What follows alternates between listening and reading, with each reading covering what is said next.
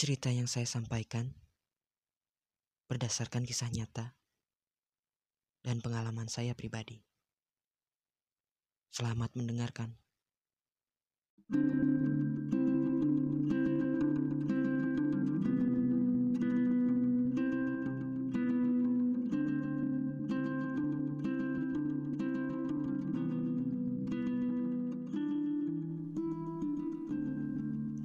Sejauh mana kita bisa melangkah? Sendiri ataupun bersama? Seberapa bisa kita menikmati setiap langkah-langkah kecil itu? Dan seberapa kuat lapak kaki kita? Sebab tidak ada alas yang nyaman. Tidak ada alas yang aman. Dan jalanan tidak seterusnya lancar.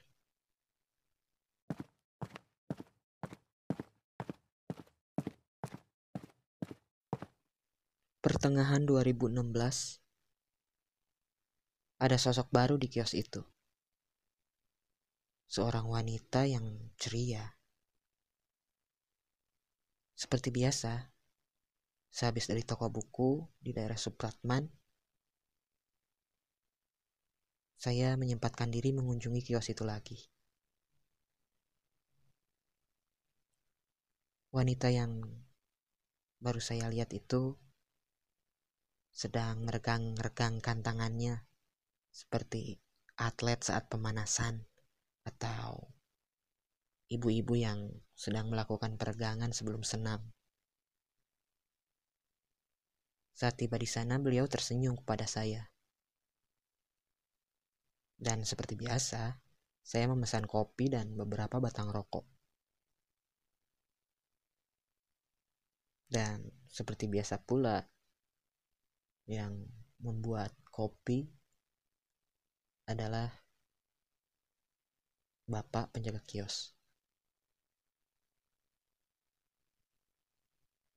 Dan saat saya memesan, wanita itu bertanya kepada saya, habis dari mana katanya. Dan saya menjelaskan kepadanya bahwa saya habis dari toko buku dan ya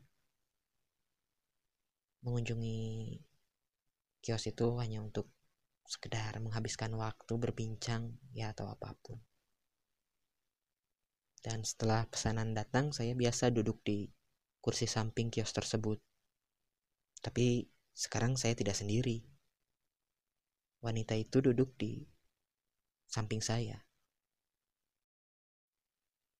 Kami pun mulai berbincang-bincang kecil dan ternyata beliau adalah ya wanita itu adalah istri dari bapak penjaga kios tersebut. Dan ya wanita itu bertanya, saya siapa? Asal dari mana? Dan pertanyaan-pertanyaan ya pertanyaan-pertanyaan kecil lainnya lah. Beliau sering tersenyum. Itu yang saya ingat. Apalagi saat dia tahu bahwa saya berasal dari Tasikmalaya. Ya, Tasikmalaya dan Ciamis adalah kota yang bertetangga. Dan mungkin karena hal tersebut, beliau seperti bertemu dengan seseorang yang sama, ya artinya memiliki asal atau tradisi yang hampir sama dan sekadar intermezzo saja. Meskipun Jawa Barat mayoritasnya suku Sunda, tapi tiap-tiap daerah atau tiap-tiap kota pasti mempunyai budaya yang beda. Ya tidak hanya Jawa Barat, mungkin provinsi-provinsi lain pun seperti itu. Dan bagi saya pribadi pun, jika bertemu dengan seseorang yang memiliki asal atau suku atau kota yang sama dengan saya di kota lain seolah saya tuh menemukan saudara lah bagaimana denganmu yang mendengarkan apakah kalian juga seperti itu kembali lagi pada cerita saya bertanya tentang kenapa ibu itu ada di Bandung. Apakah mengkhawatirkan kondisi suaminya? Beliau hanya tertawa dan beliau bilang beliau ke Bandung itu untuk berobat. Dan kata beliau juga beliau sedang memiliki masalah kesehatan terutama di lambung dan paru-paru. Beliau juga berkata sudah beberapa kali keluar masuk rumah sakit di Ciamis saat itu. Dan beliau ke Bandung untuk menjalani pengobatan alternatif karena katanya dia ada kenalan dari ya temannya mungkin dan juga karena beliau merasa sudah tidak mampu lagi jika harus berobat ke rumah sakit. Saya cukup sedih mendengar hal tersebut. Tapi ya ibu itu lebih banyak berbincang daripada suaminya dan ya lebih banyak memulai percakapan. Lalu saya bertanya kepada beliau di mana mereka tinggal di Bandung. Dan jawaban darinya membuat saya cukup kaget. Mereka tinggal di kios tersebut. Di kios yang kurang lebih berukuran satu setengah ke dua meter. Dan saya pun baru tahu bahwa selama ini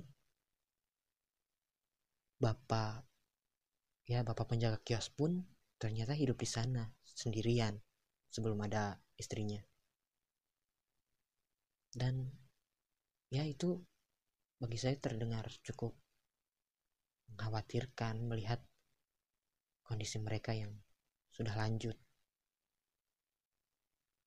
Saya langsung mengutarakan kekhawatiran saya terhadap kondisi mereka, tentang kehidupan mereka, kesehatan mereka, apalagi setelah mengetahui bahwa ibu tersebut sedang sakit.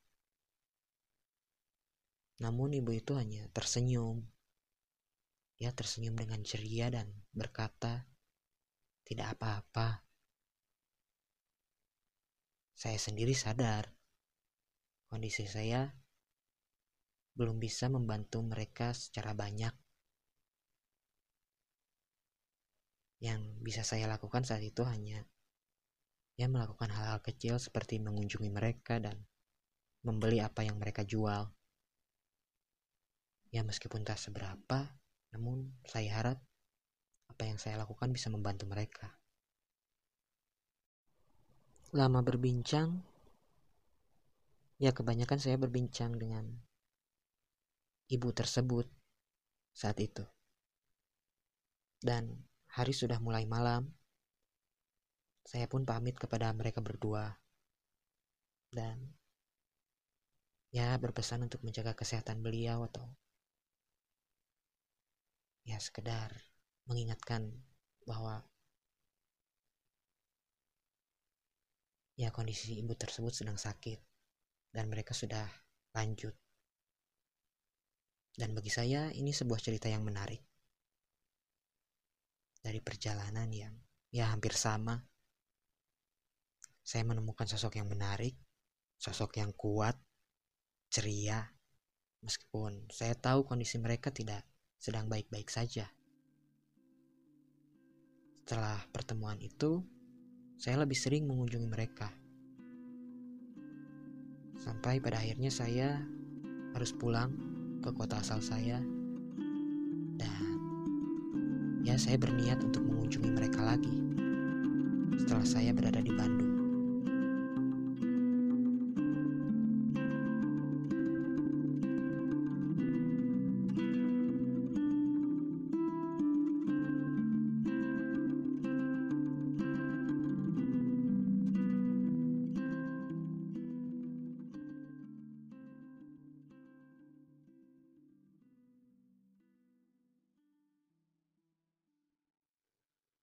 Terima kasih telah mendengarkan catatan pejalan kaki dari podcast singgah sesaat. Semoga ada hal baik yang bisa diambil setelah mendengarkan cerita ini.